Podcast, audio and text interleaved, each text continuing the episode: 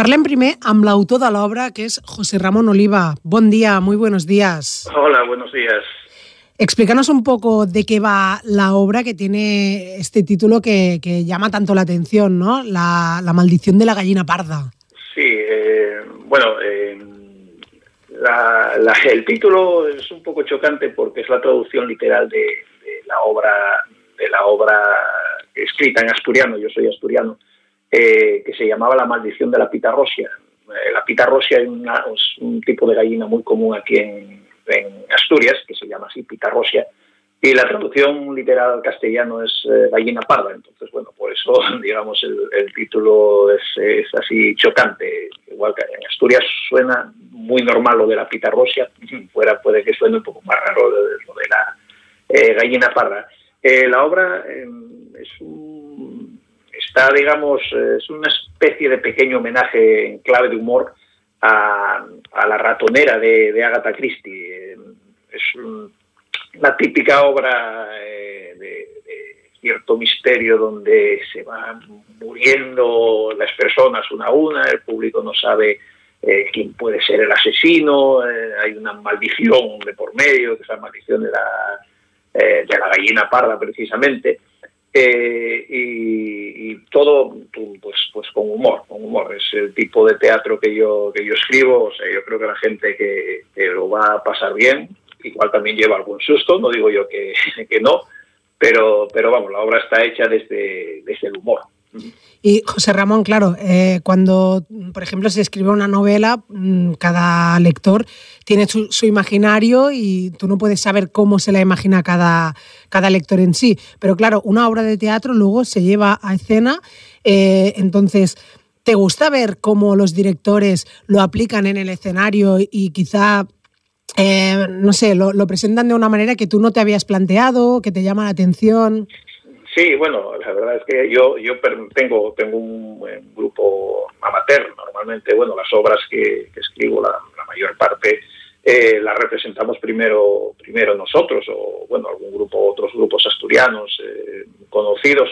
Eh, y sí, sí que me llama mucho la atención, además me gusta mucho, eh, suelo acudir a todos los eh, vamos a todos los estrenos de grupos que ponen obras mías, porque efectivamente, eh, de como normalmente me imagino yo las, las obras cuando las escribo, o como yo las planteo en, en escena cuando las represento, a después como las veo en, en otros grupos, eh, eh, hay muchísima diferencia. Y bueno, ya no te digo, eh, yo escribo en, en, principio todas las obras, las escribo en asturiano. Pues bueno, la, algunas las traduzco al castellano, las que veo que son más factibles de, de poder ser representadas eh, fuera de Asturias. Eh, entonces ya no te digo la diferencia ya no solo del montaje, sino incluso del propio, de la propia manera de hablar, del, del propio lenguaje. Eh, la verdad es que, que, me llama mucho, que me llama mucho la atención y me gusta, y me gusta mucho ver a, a los grupos que representan mis obras para ver eso, cómo las, cómo las plantean. ¿Y podrás estar en Lloret este fin de semana? Estamos un poco lejos. Si me quedas un poco más cerca, no te digo yo que no, pero pero no, pero bueno, eh, habrá, habrá, habrá otras ocasiones. Ellos. Eh, ¿Pero qué te parece que.? Una vez por aquí otra, o, o, yo iré por allá. ¿Qué te parece que un grupo de Lloret de Mar haya escogido eh, una obra tuya? Eh, hombre, la verdad es que, bueno, me siento muy, muy, muy orgulloso, vamos, de que, de que grupos, eh, vamos, de fuera de Asturias eh, cojan obras mías, porque, bueno, aquí en Asturias, digamos que ya tengo. Bueno, soy, soy algo conocido, pero la verdad es que fuera de fuera de Asturias no, no, soy tan tan conocido. Entonces la verdad es que por un lado me sorprende vamos que, que, que acaben dando con eh, conmigo a pesar de que bueno yo tengo todas mis obras colgadas en, en internet a libre disposición de todo el mundo o sea que cualquiera pueda acceder a ellas y, y representarlas no, no las vamos no, no hay ninguna dificultad para hacerse con ellas pero bueno al final eh, sí, sí que siempre me, me sorprende que, que, grupos eh, que realmente no me conocen eh, opten por obras mías, pero vamos, encantado. Yo bueno, siempre, dije, siempre dije que el teatro se escribe para ser representado, o sea que, que vamos, feliz, feliz de que escojan mis obras y, y de que las lleven a, a escena. Pues esperemos que, que, vaya muy bien, que el público ría mucho, que seguro que sí, este domingo. Y José Ramón Oliva, a ver si lo digo bien, no sé si en asturiano sería Muchas gracias a Mahuestu. Mm, muchas gracias, perfecto. Bueno, la pago estoy ahí otra cosa, pero muchas gracias, eh, perfecto. Está, está. ¿Y bu buenos días cómo sería? Eh, buenos días. Ah, buenos días. Uy, pues días. es que lo he mirado por internet y mal, mal. Buenos días. Pues eh, muchas gracias, buenos días y que vaya todo muy bien. Un abrazo. Pues otro abrazo para vosotros. Muchas gracias. El que fem ara és parlar-ne amb la presidenta de l'associació Pas a Pas. Eva Palau, bon dia. Bon dia. Què us sembla aquesta iniciativa de Traca Teatre? Doncs fantàstic. Uh, primer de tot perquè és una gent meravellosa, amb ganes de passar-ho bé i de fer-ho passar bé als altres, i ja només per això ja és una iniciativa doncs, superpositiva.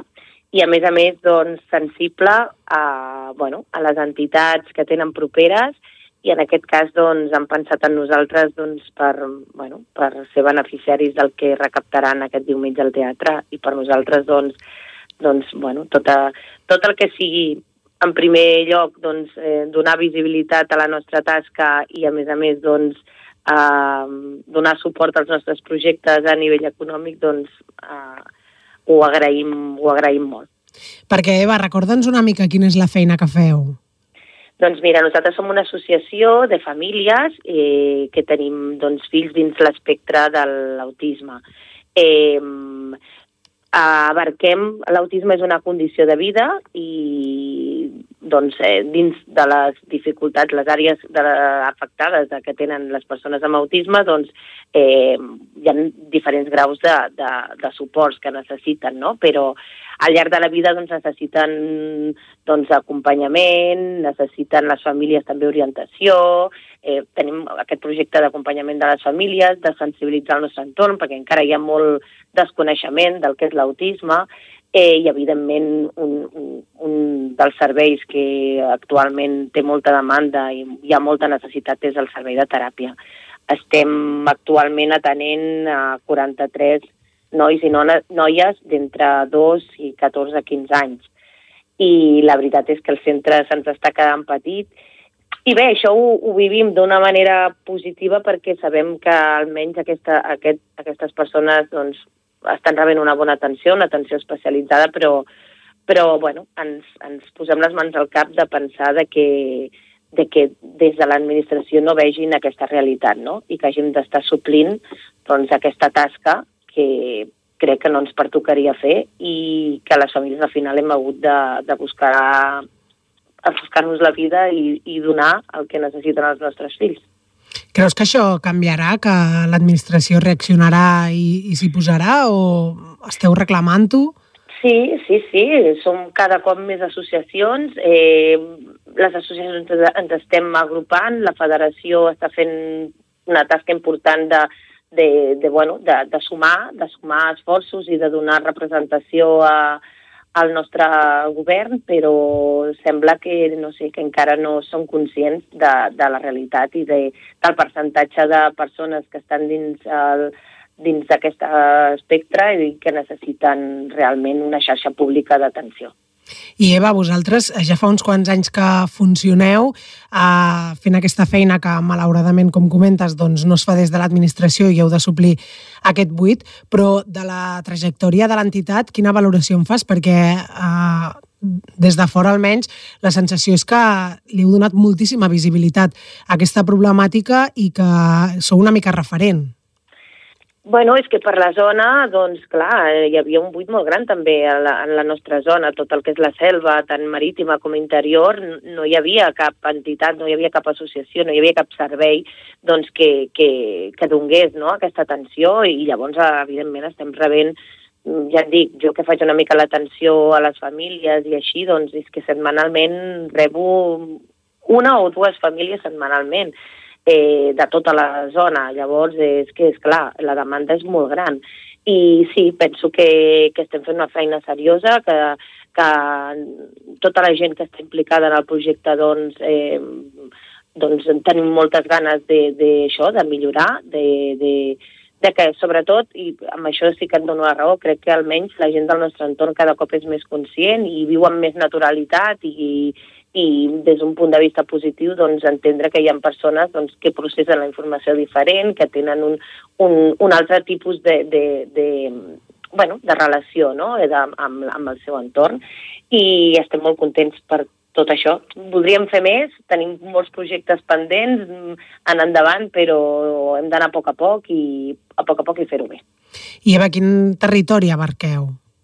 Doncs mira, ara estem atenent, ja el que et deia, des de nens molt petits, a que, dos anyets pràcticament, que és quan sol, sol eh, arribar un diagnòstic precoç, fins a l'etapa adolescent. Eh, no, tenim, no tenim projecte encara per a edat adulta, és un projecte molt ambiciós, eh, començar a, a, a buscar projectes per atendre les necessitats en el món laboral i la vida autònoma o semiautònoma, que encara no estem preparats per fer, però bueno, intentem doncs això, eh, donar l'atenció terapèutica prioritària en aquests nanos, acompanyar les famílies, proposar activitats d'oci, que també són molt necessàries, eh, i, bueno, i això, eh, formar, eh, fer, oferir formació i, i al final, doncs, eh, això, donar a conèixer el que és l'autisme. Però més enllà de Lloret, també a tota la selva marítima i altres sí. poblacions de fora fins i tot? O... Sí, la majoria, la majoria de famílies un pes molt important, Lloret Blanes, moltes mm. famílies, però sí tenim també famílies de, de Vidreres, de Tossa, de Palafolls, de Tordera, de Vidreres, de Sils, sí, tenim tot, abarquem tota aquesta zona. I has dit una cosa uh, molt, molt important, molt interessant. Uh, has parlat del diagnòstic uh, precoç als dos anys. Clar, a vegades, uh, sobretot des de les escoles, no? és com que s'espera més endavant a fer un diagnòstic i potser de vegades de més petits ja es veuen mm. coses que, que una atenció més precoç els podria ajudar, creus?